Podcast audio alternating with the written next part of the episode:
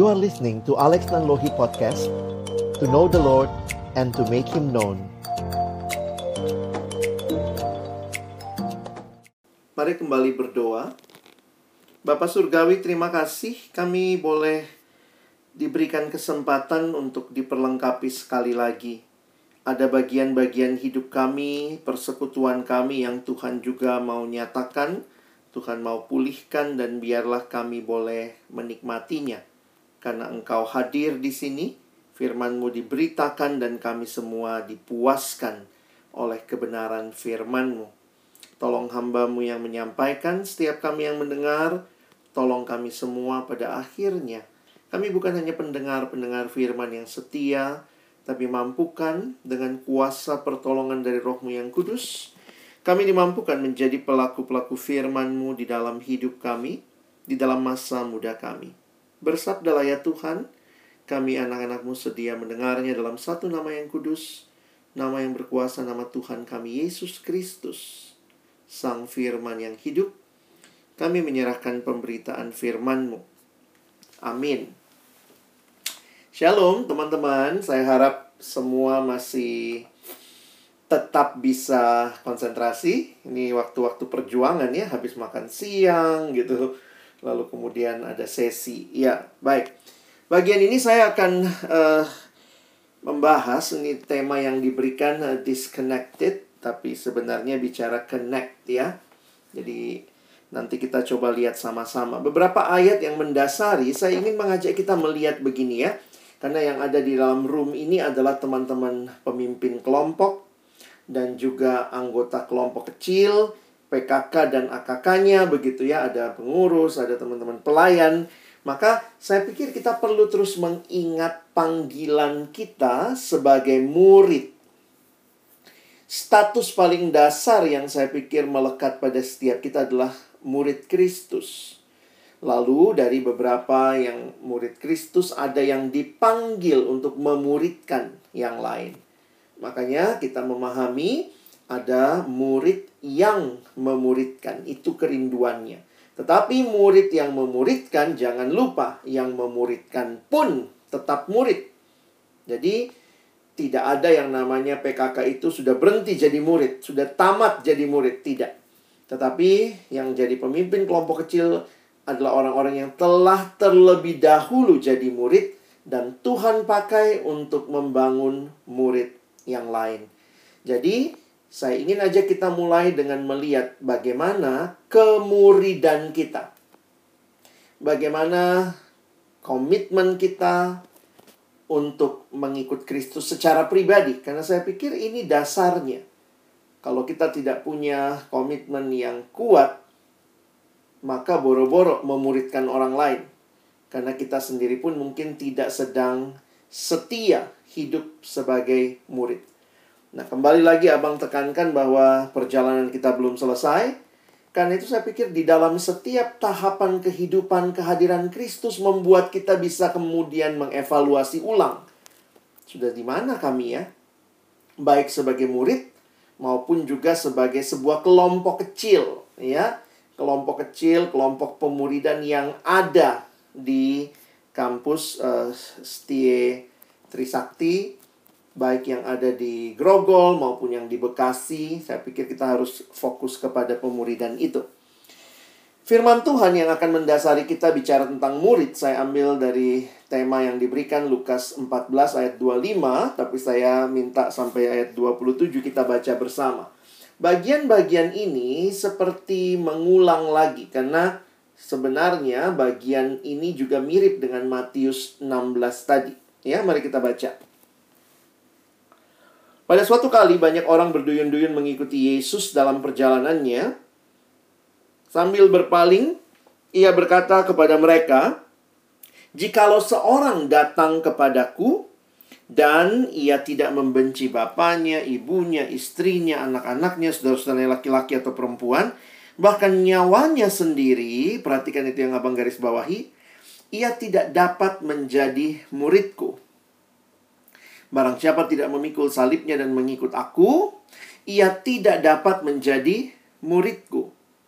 Di dalam Lukas 14 ayat 25, sampai 27 saja kita melihat dua kali muncul istilah ia tidak dapat menjadi muridku. Dan nanti kalian lihat lagi ada satu ayat di bawahnya yang saya tidak tuliskan. Kalau tidak salah ayat 33 di Alkitab cetakmu nanti perhatikan. Demikian juga ya orang yang tidak melepaskan diri dari segalanya. Ia tidak dapat menjadi muridku. Di sinilah saya melihat betapa pentingnya kalau kita bicara orang Kristen, ya itulah orang yang jadi murid. Dan Yesus bahkan menekankan begitu rupa tentang hidup sebagai murid. Seorang teolog Jerman yang bernama Dietrich Bonhoeffer, dia mengatakan Christianity without discipleship is always Christianity without Christ. Karena kalau betul kita murid, maka kita tentunya punya komitmen kepada Kristus. Komitmennya apa ya itu? Sebagai murid Kristus. Dan coba kita perhatikan ya, kalau tadi kita sudah belajar sangkal diri, pikul salib, ikut aku. Nah, kita lihat sedikit lagi dimensi yang diberikan Yesus di dalam bagian ini. Jikalau seorang datang kepada aku dan ia tidak membenci, wah kaget juga loh, kok ketemu kata membenci. Istilah ini dalam paralelnya bukan membenci dalam arti negatif, tetapi jika dia menempatkan bapaknya, ibunya, istrinya, anak-anaknya, saudara laki-laki atau perempuan, bahkan nyawanya sendiri, ia tidak dapat menjadi muridku. Jadi kalau saya lihat ayat 26 ini kan sebenarnya secara pemahaman mirip kayak tadi ya. Sangkal diri. Menempatkan yang terutama tuh bukan kemauanku, bukan keinginanku ataupun orang-orang yang lain, tapi Kristus dan kehendaknya. Jadi ayat 26 kalau kita lihat Bagian awalnya mirip kayak tadi ya. Sangkal diri. Lalu dilanjut lagi. Barang siapa tidak memikul salibnya. Oh, udah kita bahas tadi. Dan mengikut aku. Jadi, teman-teman kalau kalian perhatikan, ini bagian yang menarik Tuhan Yesus tidak hanya senang banyak orang yang ikut dia. Yesus itu tidak tidak ngumpulin fans. Mungkin Yesus beda banget sama kita ya yang mungkin kalau pengennya sih akun-akun medsos kita dibanjiri follower ya. Yesus itu waktu follower datang malah ngomong begitu ya. Saya itu waktu membayangkan, bayangkan ya. Coba kita balik sebentar. Mari bayangkan scene ini ya. Bayangkanlah pada suatu kali orang, eh, banyak orang berduyun-duyun. Itu berapa banyak tuh berduyun-duyun? banyak ya. Mengikuti Yesus dalam perjalanannya. Berarti Yesusnya jalan di mana?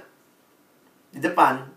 Ya, jadi saya lagi bayangkan berduyun-duyun ikuti Yesus lalu kemudian Yesus balik nih berpaling. Tapi Yesus nggak bilang, ayo men kita bikin GFC, Jesus Fans Club. That is not the idea. Waktu Yesus balik, dia bilang gini, jika seorang datang kepadaku, tidak benci bapaknya, ibunya, ia tidak dapat jadi muridku. Saya lagi bayangkan gini teman-teman. Seandainya saya ikut di dalam orang banyak berduyun-duyun itu saya ikut di belakang Yesus.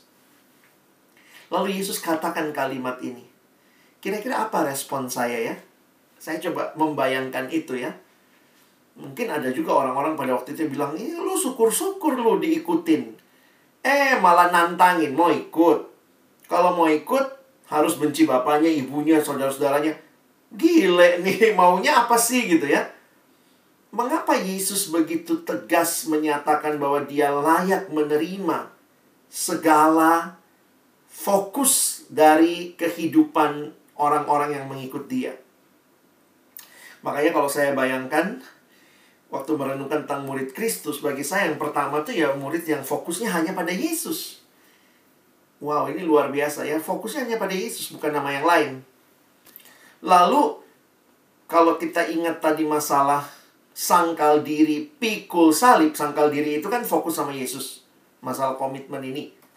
Pikul salib yang tadi ya, rela membayar harga. Dibuktikan dengan apa? Dengan tindakan. Jadi rela bayar harga itu kelihatan dalam tindakannya sungguh-sungguh memberikan apa yang mungkin harus dia korbankan. Teman-teman mengikuti Yesus ya kadang-kadang kita kita ada dalam generasi yang empang ya maunya enak dan gampang karena mungkin semuanya serba instan Jadi kadang-kadang kita pikir bisa nggak ya jadi murid instan. saya banyak layani anak remaja suka gitu ya. Tuh datang-datang itu, Kak Alex, Kak Alex, saya pengen tahu Tuhan mau apa sih untuk hidup saya ke depan. Datangnya mintanya gitu. Apa sih rencana Tuhan buat aku, Kak? Tuhan mau apa sih? Khususnya kalau mau masuk ke kuliah. Tuhan mau aku masuk ke mana sih, Kak? Apa sih rencana Tuhan? Waduh, kalau udah ngomong-ngomong begitu kan, wow, rencana Tuhan dan segala macam. Terus saya tanya sama dia, Dek, kamu rajin baca Alkitab nggak? Nah, itulah bang, masalahnya. Aku kelas 12 bang, sibuk banget belajar.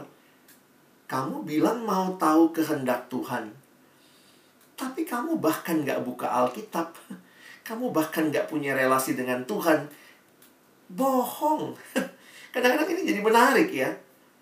Kita ngomongnya sih, ya Tuhan nyatakan kehendakmu. Tuhan, aku nggak tahu Tuhan mau apa dalam hidupku. Saya tanya dulu, kamu rajin nggak baca Alkitab? Jangan mimpi tahu kehendak Tuhan dengan Alkitab yang tertutup. Bukan begitu cara Tuhan memimpin. Jadi kadang-kadang orang nggak rela bayar harga, nggak, nggak nyata dalam tindakannya. Apalagi bicara motivasi, siapa yang tahu itu dalam hati ya. Ada juga orang bayar harga, tapi motivasinya buat apa? Dipuji. Wah, gila ya, gua PKK yang luar biasa kan.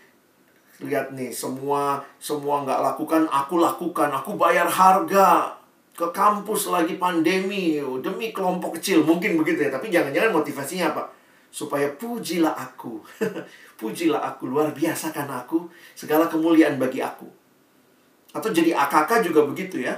Wih, ini AKK yang paling hebat nih, luar biasa nih rela bayar harga. Hujan-hujan pun datang ke kampus kelompok kecil. Tapi jangan-jangan motivasinya juga gitu ya.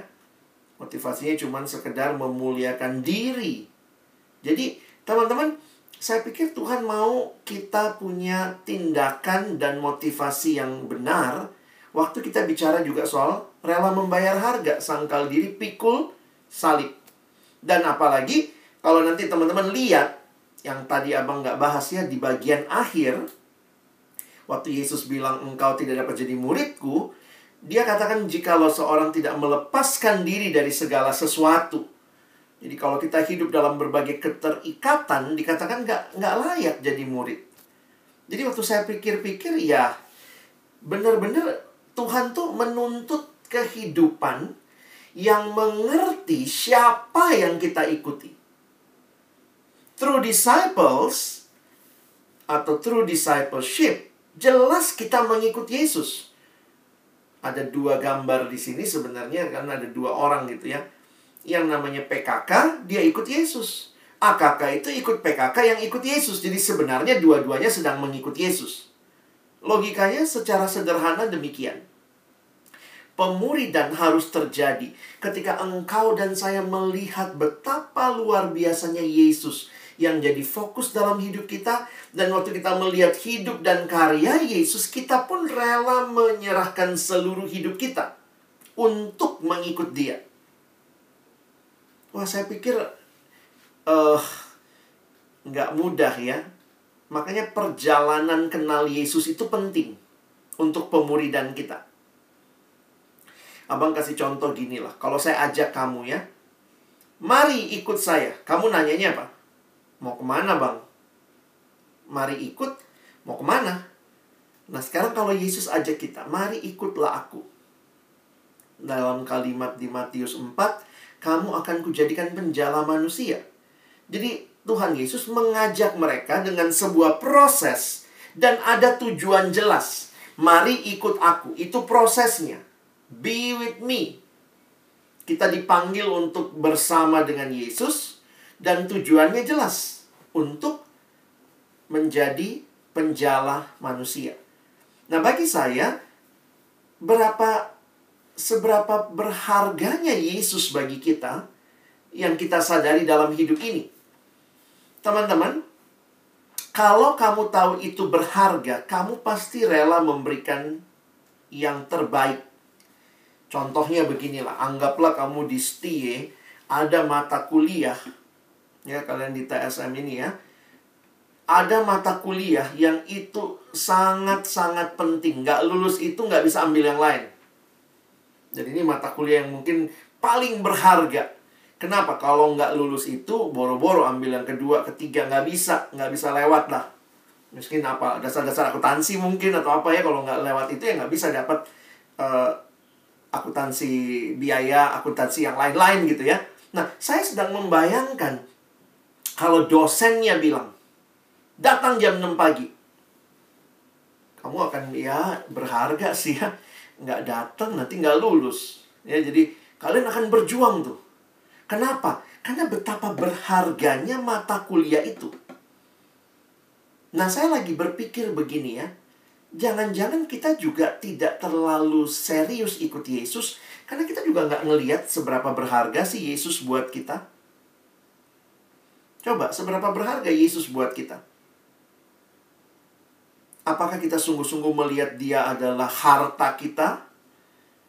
ada lagu dalam bahasa Inggris mengatakan gitu ya Jesus you are my precious you are my treasure you are my all in all tapi betulkah kita menyadari itu dalam hidup kita saya ingat ya kalau ada orang ditodong begitu ya pertanyaan utamanya kan ini ya harta atau nyawa pernah ditodong nggak mungkin kamu nggak pernah ditodong ya pernahnya nodong ya kalau orang menodong eh menodong ditodong Katanya biasanya ditanyanya itu, wah, harta atau nyawa? Kenapa dikasih pilihan ini? Karena ingin dilihat yang mana yang lebih berharga buat kamu. Walaupun saya juga bingung sampai sekarang ya kalau misalnya ditanya begini, harta atau nyawa? Terus maksudnya kita jawabnya gimana? Kalau saya jawab harta, jadi dia ambil nyawa gitu ya. Masa diskusi dulu sama perampoknya gitu. Harta atau nyawa? Sebentar, saya tanya dulu. Ini apa maksudnya? Ya, yang mana yang mau dikatakan ya? Saya pikir ya nggak begitu lah ya. Ya kalau orang mau ngerampok dia maunya duit lah ya, nggak guna nyawamu buat dia kira-kira begitu. Tapi pertanyaan seperti ini menyiratkan dalam hidup seseorang ada hal yang lebih penting dari hal yang lain. Sampai-sampai untuk mendapatkan hal itu rela dia. Kamu misalnya demi lulus mata kuliah yang sangat dasar itu, kalau nggak lulus itu nggak bisa lanjut kuliah. Maka kamu begadang, kamu cari diktat yang harus dibaca, kamu mungkin uh, berjuang gitu ya, kamu bikin kelompok belajar. Kenapa? Karena ini berharga banget, bang. Nggak lulus nggak bisa semuanya. Seberapa berharga Yesus buat hidup kita? Kadang-kadang dalam hidup itu yang paling berharga apa sih? Harta atau nyawa? Menurut kalian mana yang lebih berharga? Harta, harta atau nyawa? Ngapain punya harta ya? Kalau nggak punya nyawa, sedih juga gitu. Itu helikopter siapa? Oh, helikopter dia. Itu pulau, oh dia baru beli kemarin. Wah, itu rumah mewah punya dia. Bioskop dia baru beli juga. Dianya mana? Meninggal se sejam yang lalu. Wah, di situ kita jadi sadar ya. Mau punya harta banyak, tapi kalau nggak punya nyawa, apa gunanya? Jadi memang kalau dipikir-pikir nyawa itu lebih penting ya. Karena nyawa ini ya tapi juga punya nyawa nggak punya harta sedih juga hidupnya. Jadi mungkin harus balance ya. Mintalah makanan kami yang secukupnya.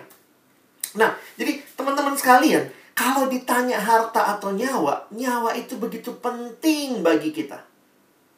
Tapi sekarang, kalau kita diperhadapkan dengan pertanyaan selanjutnya, jawab dalam hatimu.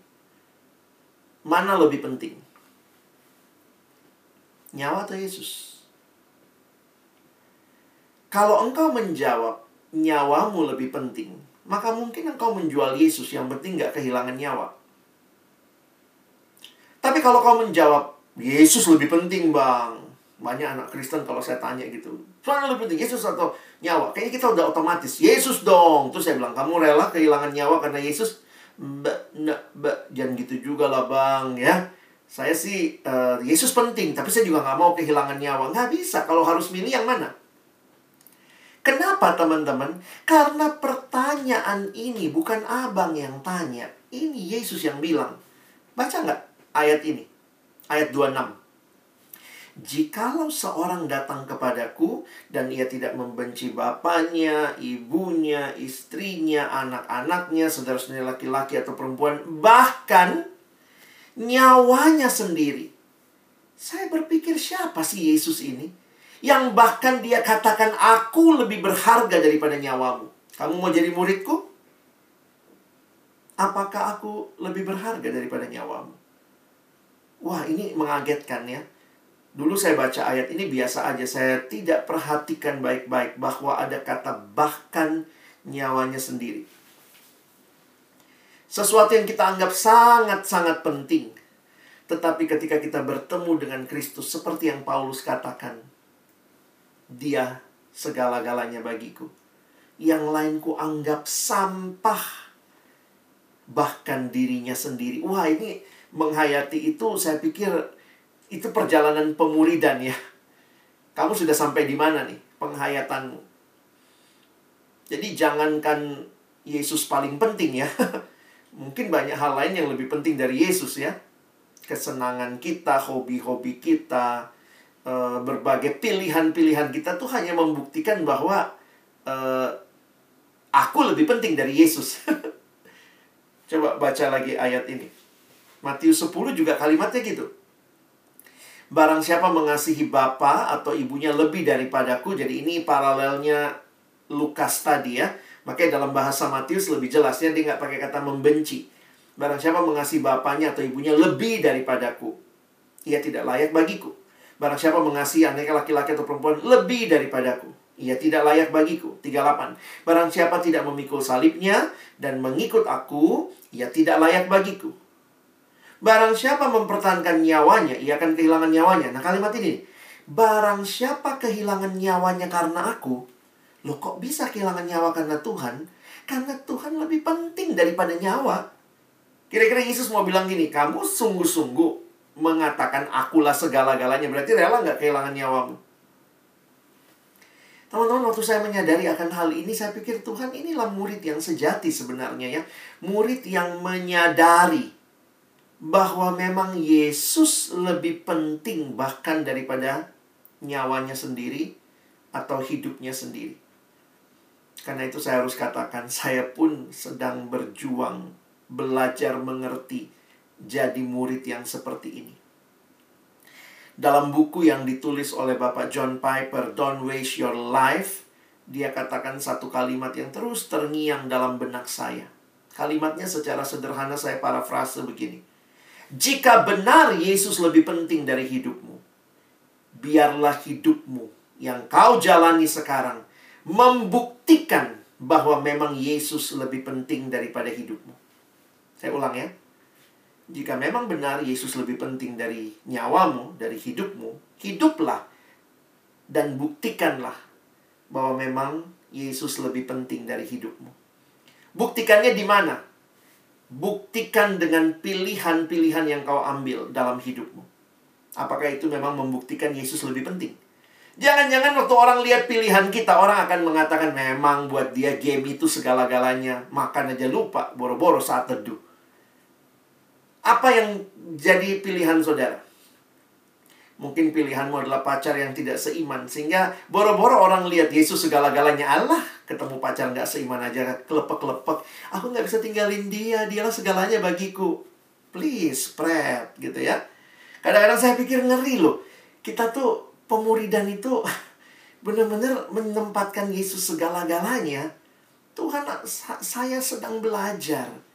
I am on a journey. Dan kadang-kadang dalam perjalanan itu saya mengakui saya menempatkan pilihan-pilihan yang lain yang kalau orang lihat daftar pilihan hidupku kalau orang lihat list kegiatanku seminggu kemarin kalau orang lihat histori internet yang kubuka seminggu kemarin kalau orang melihat list film-film yang kutonton seminggu kemarin mungkin tidak menunjukkan bahwa Yesus paling penting. Hanya menunjukkan nafsuku paling penting, kesenanganku paling penting. Akulah segala-galanya. Dan itulah yang Tuhan mau ingatkan buat kita. Kamu mau jadi murid? Aku segala-galanya bagimu. Kenapa Yesus bisa mengatakan ini? Saya kutip kalimat dari Bapak Kyle Idleman. Dia coba mempersonifikasi ya dalam bukunya Not a Fan, bukan seorang penggemar. Dia katakan, bayangkan berbagai hal yang berharga bagi kita. Yesus, keluarga, pacar, sahabat, pelayanan, studi. Bayangkan semua itu sedang mengantri di uh, sedang ber, berada di garis start lomba lari untuk merebut tahta hati kita. Wah. Kalau ini semua nomor ini ya. Pertanyaannya gini, Yesus mau jadi nomor berapa? Atau kamu tempatkan Yesus di nomor berapa? Kalimat yang struck me, yang mengagetkan saya adalah kalimat yang ditulis Bapak Kyle Idleman selanjutnya. Dia bilang begini, Yesus tuh nggak mau jadi nomor satu. Yesus tidak mau jadi juara satu dalam lomba tersebut. Dia mau hanya dia satu-satunya pelari dalam perlombaan itu. Tidak boleh ada persaingan antara relasi kita dengannya dengan relasi lainnya. Wow. Benar ya? Kalau dia segala-galanya bahkan lebih penting dari nyawa, maka sebenarnya tidak ada yang bisa disejajarkan dengan dia. Makanya dia katakan, Yesus tuh nggak mau jadi nomor satu. Ini mukanya dia ya, Kyle Idleman. Yesus tidak mau jadi nomor satu dalam hidup kita. Dia mau jadi satu-satunya. Dan kenapa dia bisa mengatakan aku harus jadi prioritas hidupmu? Kenapa saudara kemudian bisa mengatakan I love you Jesus? Karena lihat karyanya. Ketika engkau dan saya yang jatuh di dalam dosa, dia datang ke dalam dunia, dia tebus kita, dia kasihi kita dengan kasih yang tanpa syarat yang saudara dan saya tidak membalasnya. Roma 5 ayat 8 mengatakan bahkan waktu kita masih berdosa, Kristus mati bagi kita. Dia berikan segalanya buat kita. I love Jesus Christ. We can say I love Jesus Christ just because he loved us first. Untuk membeli engkau dan saya. Yesus bayar harga yang sangat mahal di kayu salib. Sehingga ketika engkau dan saya ditebus, kita miliknya. Makanya ingat sesi tadi ya, abang bilang ya. Kalau kita miliknya, ya udah, dia prioritas kita. Kadang-kadang kita lupa, kita miliknya dia. Kita pikir kita memiliki diri kita sendiri. Kalau kita milik dia, ya wajar kita sempatkan dia, kita jadikan dia segala-galanya. Bahasa-bahasa yang digunakan di dalam Alkitab itu bahasa-bahasa kehidupan sehari-hari. Menebus. Sama seperti sebuah benda terjual, tergadai. Apa artinya ditebus? Berarti dibayarkan uang atau ditukar barang supaya benda yang tadinya terjual, tergadai itu kembali jadi milik yang menebus. Kalau saya tebus benda ini, ya benda ini punya saya. Kalau Kristus tebus kita, ya kita miliknya. Kalau dia minta semua hidup kita baginya, jadikan dia segala-galanya. Itu bukan hal yang Tuhan kok mintanya banyak banget. Tuhan mau bilang, heh, kamu bukan milikmu, kamu milikku. Tapi itulah Tuhan kita ya. Dia tidak pernah memaksa. Dia terus ingatkan kita yang mulai lupa diri. Kita pikir kitalah pemilik hidup kita. Kita pikir kitalah yang punya semuanya. Itulah manusia ya. Kita tuh suka lupa diri. Lupa diri, lupa Tuhan. Bikin malu teman-teman ya. Abang dulu suka kasih contoh begini ya. Coba kamu bayangkan ya. Sebenarnya kan semua ini miliknya Tuhan ya. Tapi kita tuh kadang suka lupa diri dan kita pikir semua itu milik kita. I deserve everything. Contoh beginilah ada seorang anak kamu lah misalnya ya, anggaplah kamu ngekos gitu ya. Nah ini coba dibayangkan jangan dilakukan ya. Kamu anggaplah kamu ngekos di Grogol dan sekitarnya atau Bekasi dan sekitarnya dekat Mad Mall situ ya. Kamu ngekos, ya biasanya orang ngekos berapa kamar? Satu lah ya. Ada yang ngekos sampai tiga kamar gitu. Satu kamar baju, satu kamar sepatu. Itu mah mendingan kontrak ya, bukan ngekos ya. Jadi anggaplah kamu ngekos satu kamar. Lalu kemudian malam-malam kamu keluar dari kamar kos. Lalu kamu bilang begini. Ya ini biar seru, tunggu jam 12 malam. Terus kamu keluar dari kamar kos, teman-teman lain lagi mungkin siap-siap tidur, terus kamu teriak nih. Hai semua penghuni kos. Wah, orang pada keluar, ya, ada apa nih, ada apa nih? Malam-malam kok teriak-teriak. Sudah kumpul semua? Coba semua dari kamarnya kumpul. Lalu kemudian kamu bilang, teman-teman, saya cuma mau ngasih pengumuman mulai malam ini kosan ini punya saya. Teman-teman kalau kamu kayak gitu, kamu dianggap miring, gila. Wah, mendengar ribut-ribut begitu, berisik begitu, Eh, ibu kosnya datang. Kenapa nak malam-malam berisik? Tante pemilik kos. Wih, kaget tantenya. Tadi saya baru kasih pengumuman tante. Kira-kira dua menit yang lalu. Pengumuman apa nak? Saya cuma mau bilang tante. Mulai malam ini. Kosan ini punya saya. Pasti tante kos juga bilang kamu gila. Dan puncak kegilaanmu malam itu. Kau bilang kepada tante. Tante, mulai malam ini. Keluar dari sini. Kalau kamu lakukan itu, siapa yang gila? Kamu yang gila.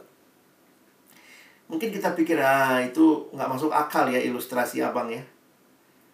Tapi bukankah itu yang terjadi pada manusia yang lupa diri dan lupa Tuhan? Siapa pemilik segalanya? Tuhan. Kita kayak anak kos kita bilang apa? Ini semua punya saya. Tuhan dari surga. Ih gila. Ih lucu gila. Dan lebih gilanya lagi manusia bilang apa? Tuhan, keluar dari hidupku. It's my life. Saudara, kadang-kadang kita lupa diri. Kita lupa Tuhan.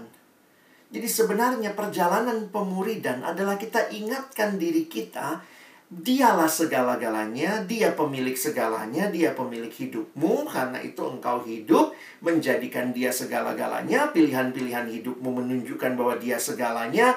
Dan itu yang kamu jalani. Dan saya lebih suka, ini bukan perjalanan banyak peraturan. Ada orang bilang, wih banyak banget sih peraturan orang Kristen, mesti begini, mesti rajin baca Alkitab. Tapi abang ingin perkenalkan istilah ini ya. Ini adalah perjalanan cinta. Wes. Kalau kamu bisa mengerti bahwa ini perjalanan cinta. Saya cinta Yesus karena dia yang telah terlebih dahulu mencintai saya. Karena begitu besar kasih Allah akan dunia ini. Makanya pemuridan itu adalah perjalanan semakin mencintai Yesus. Makin cinta Yesus hari demi hari adalah sebuah perjalanan seumur hidup yang engkau mulai dengan buka hati terima Yesus sebagai satu-satunya Tuhan dan Juru Selamat dan mengutamakan dia dalam keseluruhan hidup dan ini perjalanan terus. Makanya ini Tuhan kayak lagi kasih berhenti sebentar. Ingat, lagi sampai di mana nih? Ini bukan perjalanan peraturan ya. Karena memang beda sekali. Tuhan tidak hanya kasih peraturan, tapi peraturan itu adalah bentuk cintanya pada kita. Bisakah kita sadari itu? Jadi ini perjalanan untuk makin cinta Tuhan perjalanan untuk makin menjadikan dia segala-galanya. Kenapa? Karena dia udah jadiin kita segala-galanya bagi dia dengan dia memberikan segalanya bagi kita begitu ya. Mungkin kalau mau GR, wow, Tuhan datang untuk membawa kita manusia berdosa dipulihkan.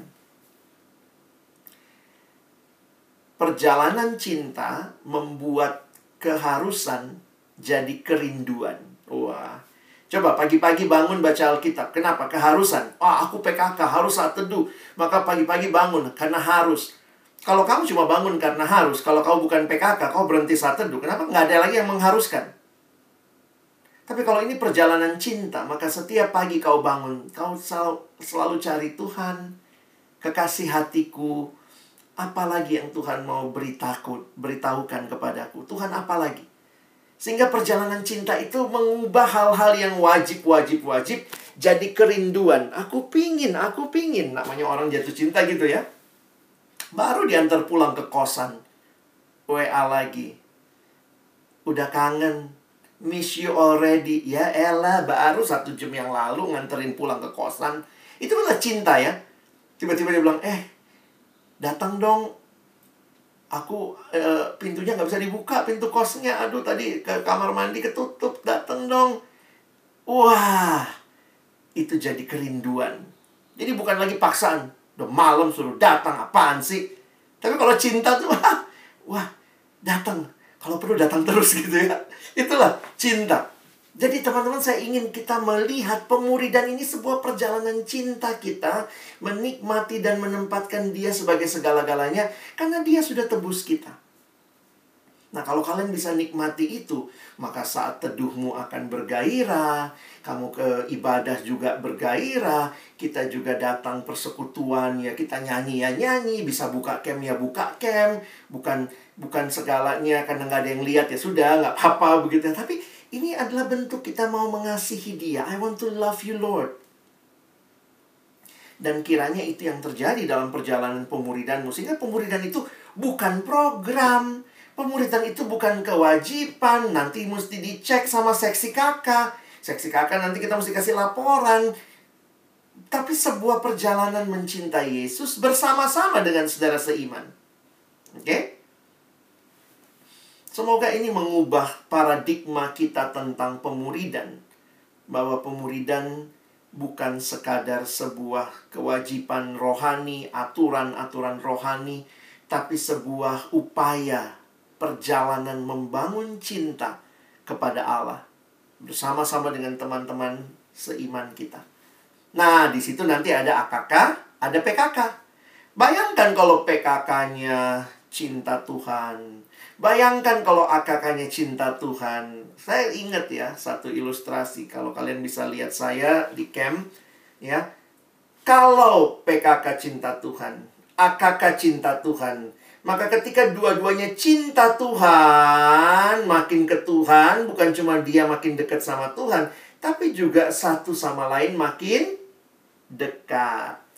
Sebenarnya itu sih kuncinya kalau dibilang, wah kelompok kecil sekarang lagi nggak kontak sampai nggak ini. Saya pikir gini, jangan ini abang nggak mau menghakimi ya, tapi saya pikir gini, bukan buru-buru. Lalu bagaimana caranya mau mengontak? Bagaimana bisa mengontak?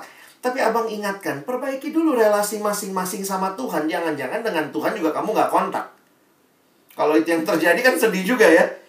Kita disuruh kontaklah akak kamu, akak kontaklah PK kamu, belajar terbuka satu sama lain.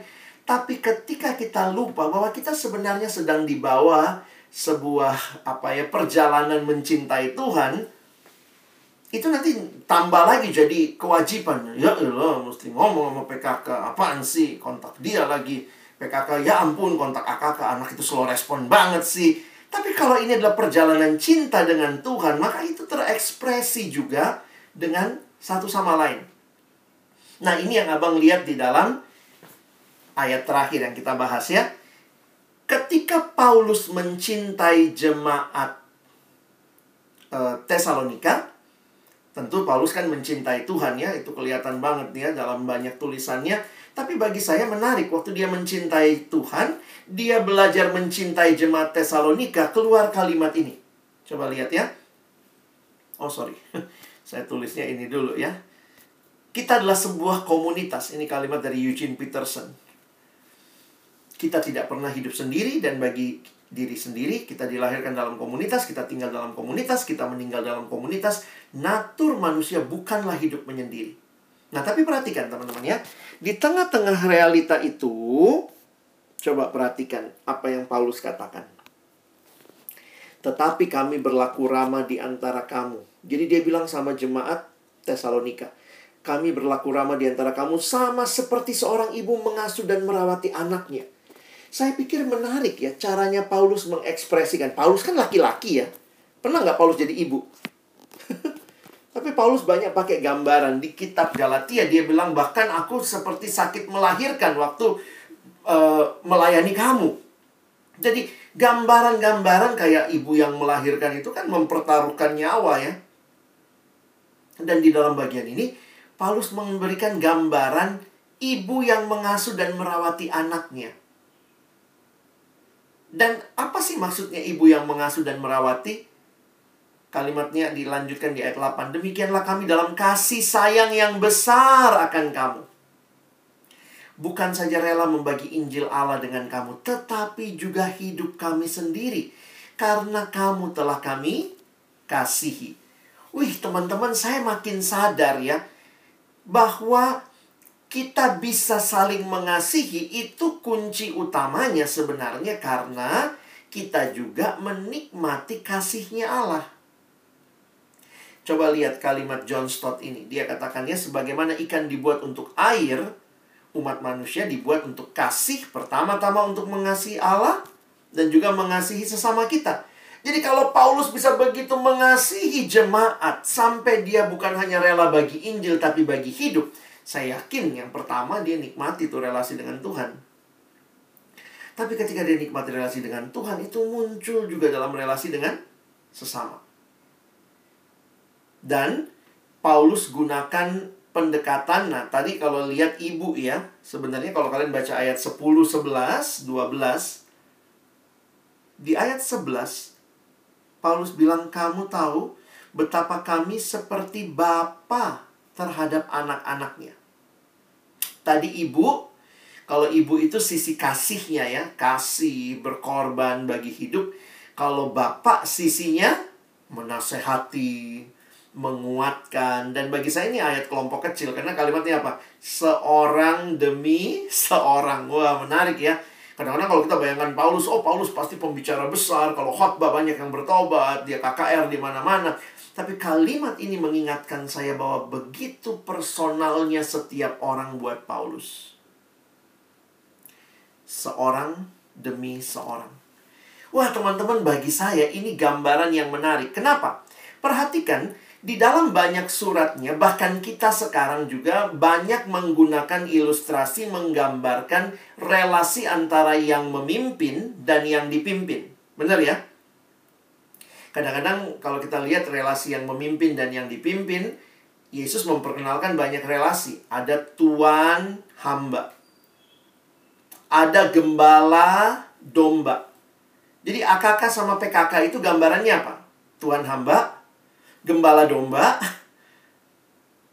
Paulus kasih satu gambaran yang menarik. Orang tua anak. Wih, ini jarang diekspos loh. Makanya abang juga lagi berpikir ya untuk boleh menggalakkan gitu ya. Bahwa memang ya namanya pemimpin rohani, anak rohani, kesannya kan kayak apalagi kan kalian di kampus cuma beda 2 tahun masa panggilnya bapak anak gitu ya. Tapi gambaran ini bagi saya ini kaya makna. Tentu gembala domba juga gambaran yang menarik ya. Kalau lihat gembala itu rela berkorban buat domba, tapi kan domba itu bukan anak ya.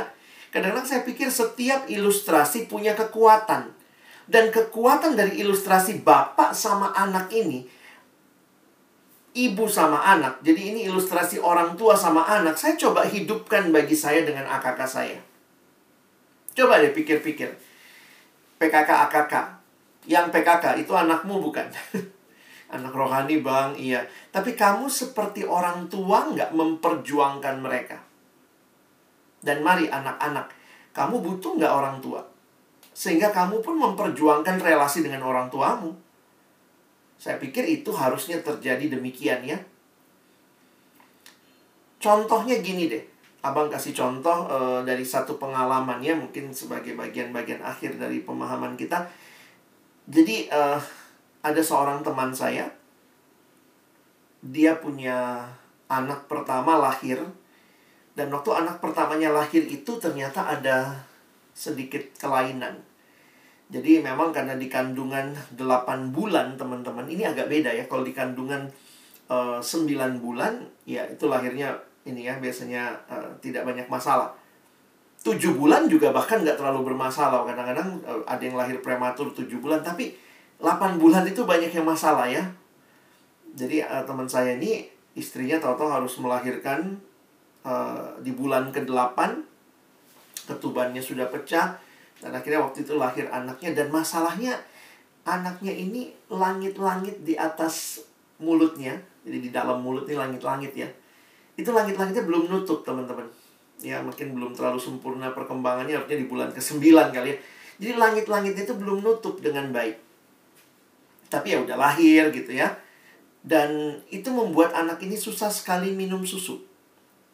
Kalau menyusu dari mamanya itu karena langit-langitnya nggak ada, susunya masuk, keluar lagi di hidung. Wah, itu pergumulan buat mereka lah awal-awal anaknya lahir itu. Terus kemudian kita tanya, bagaimana? Jadi apa yang harus dilakukan? Terus dia cerita gitu Dokter bilang gini, pokoknya perjuangkan dulu pakai cara biasa. Usahakan tetap bisa minum susu. Bapak dan ibu lakukan apa saja lah, yang penting bisa minum susu. Kalau dia minum susunya baik, berat badannya bisa normal sesuai dengan umur bulannya, maka kira-kira nanti itu secara medis bakal nutup sendiri kok. Begitu. Seiring bertumbuhnya. Kalau nanti di bulan tertentu nggak nutup juga karena mungkin berat badannya kurang, maka maaf Pak, di bulan ketiga kita harus lakukan operasi. Diambillah daging dari mana untuk tutup bagian atas. Teman-teman tahu lah ya orang tua anak pertama dengar anak harus dioperasi umur tiga bulan. Aduh nggak tega. Kami juga yang lihat nggak tega. Jadi apa yang terjadi, apa yang dilakukan? Teman saya dan istrinya berjuang mati-matian supaya anaknya bisa minum susu berbagai cara dilakukan ya. Jadi mungkin mereka udah karena pengalaman ya, diginiin keluar dari hidung, diginiin bisa masuk. Kalau ini agak keselak. Jadi akhirnya mereka cari berbagai cara. Bayangkan anak masih umur gitu jam segini bangun. Teman saya gendong istrinya menyusui, diatur posisinya supaya nggak keluar lagi. Dan akhirnya puji Tuhan di bulan ketiga. Perjuangan mereka berbuah. Berat badannya stabil, cenderung naik dan akhirnya nutup sendiri. Wah, itu mujizat teman-teman ya. Bahkan melihat, wow itu luar biasa cara Tuhan. Saya lagi bayangkan, iya ya. Apakah saya ke anak kelompok kecil saya kayak orang tua ke anak? Kalau dia tidak mau minum atau dia tidak bisa minum, dia susah makan. Kalau saya jadi orang tua, saya akan ngapain ya?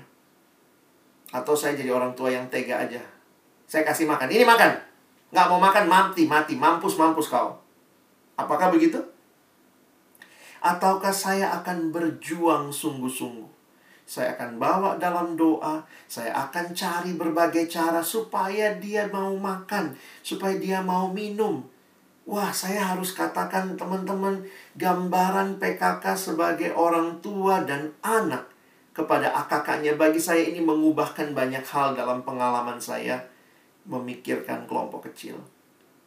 Selama ini seperti kakak rohani ke adik. Itu juga bagus. Setiap ilustrasi pasti ada kekuatannya. Tapi ketika Paulus berbicara ini dan saya lihat bagi Injil dan bagi hidup. Teman-teman kalau akak kamu nggak mau saat teduh. Gimana PKK? Saya udah ajarin kak, bab 2 sudah dikasih tahu nggak satu itu salah dia lah, pokoknya terserah dia lah. Oke, satu sisi mungkin kita pikir saya udah ajarin, dia nggak lakukan ya salah dia. Tapi apakah ada upaya, mungkin doa-doa yang kamu naikkan sama Tuhan, kamu akan tolong dia, kamu akan berjuang buat dia. Mungkin kamu kasih artikel tambahan.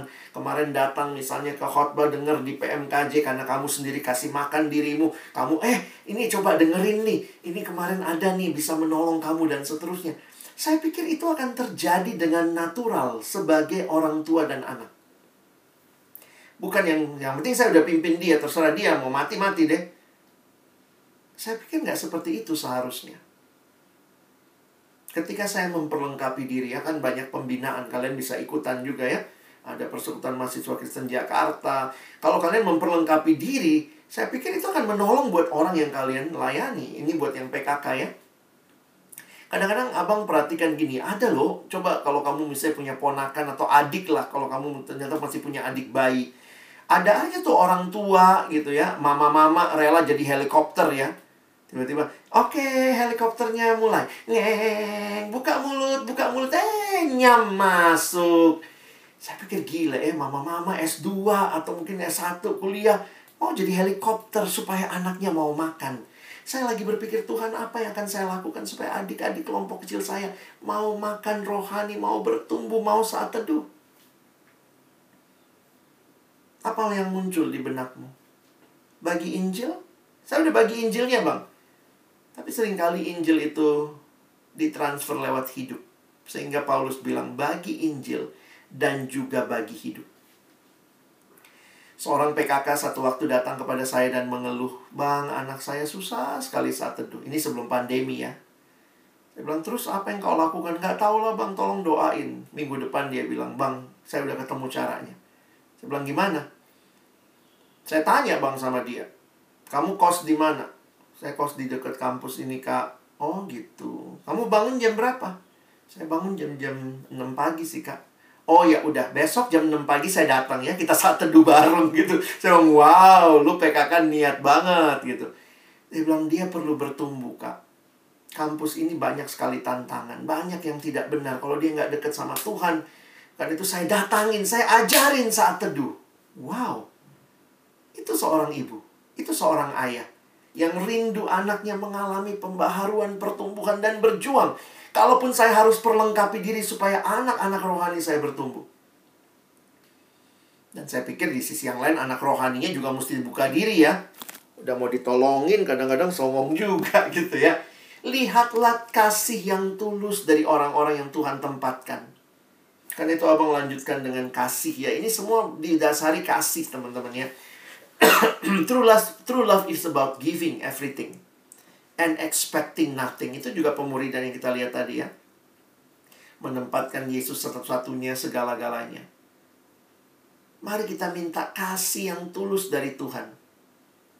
Ada kalimat mengatakan begini. You can give without loving, but you can't love without giving. Kalau kamu mengasihi, pasti kamu terdorong untuk membagikan, memberi.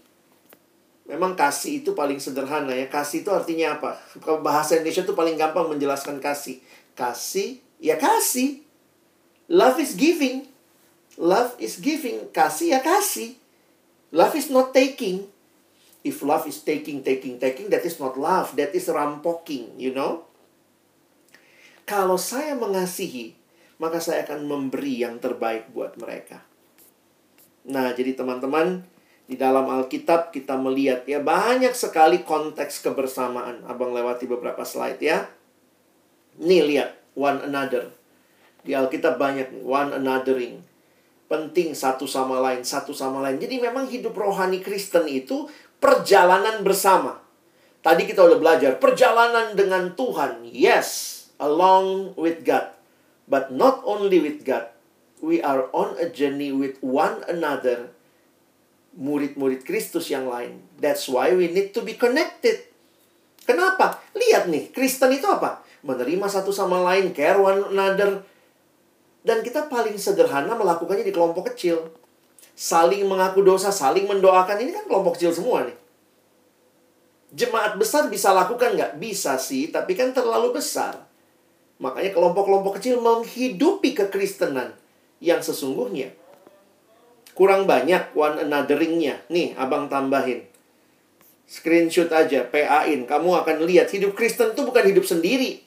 Saya dan Tuhan dalam perjalanan. No, you are not alone in this journey. You are with one another. That's why we need to connect. Kenapa? To live out our Christian life, this is what the Bible says. Kayak begini harusnya. Saling, saling, saling gitu ya. Makanya ayat yang tadi dibaca, Ibrani 10.24. Marilah kita saling memperhatikan. Supaya kita saling mendorong dalam kasih dan dalam pekerjaan baik. Teman-teman, kata saling memperhatikan bahasa aslinya itu bukan cuma memperhatikan, saling memperhatikan, tapi ada satu kata dalam bahasa Inggris itu dia pakai kata consider. Ya, sehingga misalnya kalau kalian lihat di ayat 24-nya bahasa Inggris, and let us consider how to stir up. Stir up itu tuh pernah nggak ngaduk ada kopi masukin gula terus diaduk. Kenapa diaduk? Supaya cepat reaksinya. Kan bisa aja gulanya dibiarin, masukin kopi, gula, selesai, diem. Tapi diaduk supaya terjadi reaksi ya. Jadi kata yang digunakan sebenarnya bukan karena consider itu lebih tepat diterjemahkan berpikir. Ya, sehingga saya pikir salah satu yang menarik terjemahan sederhana Indonesia menangkap hal ini. Kan ada Alkitab TSI ya, nanti bisa cari di YouVersion. Kalimatnya menarik menerjemahkan ayat 24 tadi. Oleh karena itu, marilah kita semua berpikir bagaimana bisa saling mendorong dan saling mengingatkan. Jadi teman-teman kita nggak cuma bilang, ya sudahlah kelompok kecil kita ya jalan, puji Tuhan nggak jalan. Mari pikirin gimana supaya jalan. Itu yang firman Tuhan ingatkan gitu. Dan mari kita berpikir bersama, jangan menjauhkan diri dari pertemuan ibadah. Kalau ayat 25-nya dalam TSI mengatakan, janganlah kita menjadi malas berkumpul bersama dalam persekutuan kita seperti yang sudah menjadi kebiasaan sebagian orang dari kita. Ternyata dari dulu ada orang malas ya. dari dulu ada yang kelompoknya nggak jalan nih. Sebaliknya, marilah kita saling mendorong untuk tetap rajin berkumpul dan lebih rajin lagi. Karena kita menyadari bahwa hari kedatangan Kristus semakin dekat. Wah, jadi teman-teman, Abang rindu kalian bisa memahami ini dan uh, saya tutuplah ya dengan kalimat pertanyaan yang diajukan kepada Santo Agustinus. Satu waktu Santo Agustinus ditanyakan, bagaimana bentuk dan rupa kasih? Lalu Santo Agustinus berkata, kasih memiliki tangan untuk menolong orang lain. Kasih memiliki kaki untuk menghampiri mereka yang miskin. Kasih memiliki mata untuk melihat kebutuhan-kebutuhan orang lain. Kasih memiliki telinga untuk mendengar rintihan mereka yang menderita. Demikianlah rupa kasih. Saya hanya ingin ingatkan bahwa untuk menjalani hidup pemuridan ini kita nggak sendiri. Tuhan berikan kasih itu supaya kita pun menjalaninya dengan saling mengasihi satu sama lain. We are on a journey with one another in God's love to care for one another. Saya rindu kita tidak alami kayak tema kita ya. Jangan disconnect teman-teman. Please connect. Abang pikir mari mulailah ya. Pertama mulai perbaharui relasimu dengan Tuhan. Minta lagi Tuhan berikan aku kasih sesudah beres dengan Tuhan, Tuhan tolong saya mulai kontak satu sama lain. AKK coba lah. Boleh juga AKK duluan kontak ya. Kak, Bang, apa yang mau didoain? Mungkin PK kamu lagi skripsi, dia lagi punya pergumulan. Jangan selalu minta diperhatikan. Di Alkitab tuh saling memperhatikan. Bukan satu doang yang perhatiin, yang lain tunggu diperhatikan. Nggak gitu. Kehidupan Kristen tuh inisiatif Bahkan kalau saya baca di Alkitab, maaf ya, hidup Kristen tuh kepo. Harus kepo. Ya kepo dalam tanda kutip ya. Kepo yang baik. Karena kita berpikir, saya mesti mikir bagaimana saling memperhatikan, saling mendorong. PKK mikir, AKK mikir. Makanya coba ketemu terus kita mikir sama-sama. Tadi udah dengar firman dari Bang Alex. Gimana ya kelompok kecil kita ya?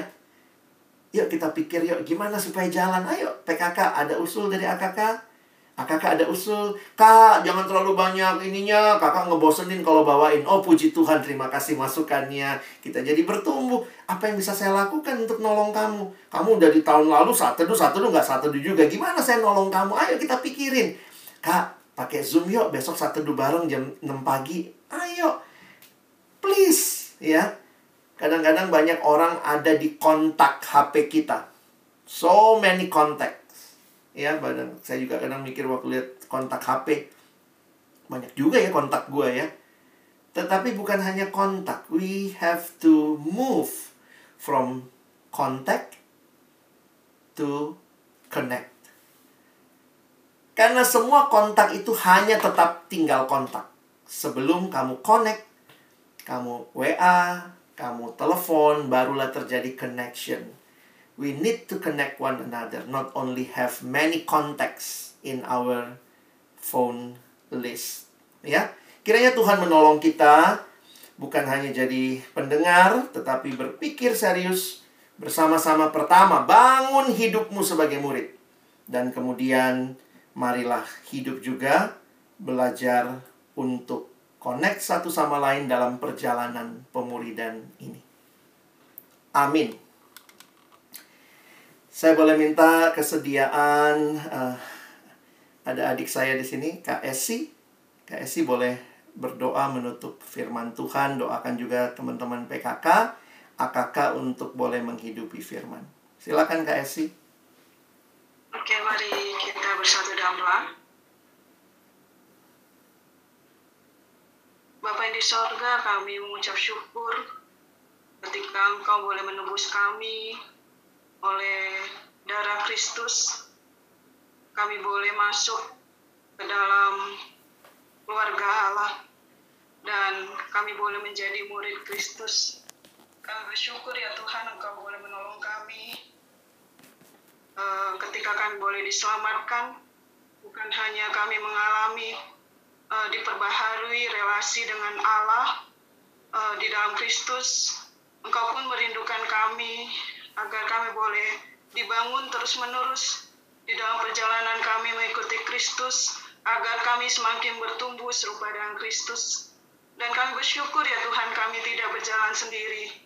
Engkau menghadirkan rekan-rekan saudara seiman Eh, terkhususnya ya Tuhan melalui pelayanan yang ada di kampus, Engkau menghadirkan baik eh, teman-teman kelompok kecil maupun juga pemimpin kelompok kecil, eh, pengurus, dan saudara seiman yang lain ya Tuhan, agar kami boleh belajar satu dan yang lainnya eh, sebagai anggota tubuh Kristus, sehingga kemuritan kami boleh semakin bertumbuh ya Tuhan.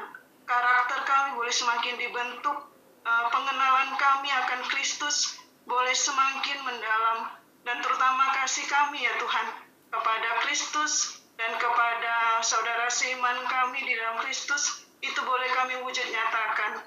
Terima kasih ya Tuhan.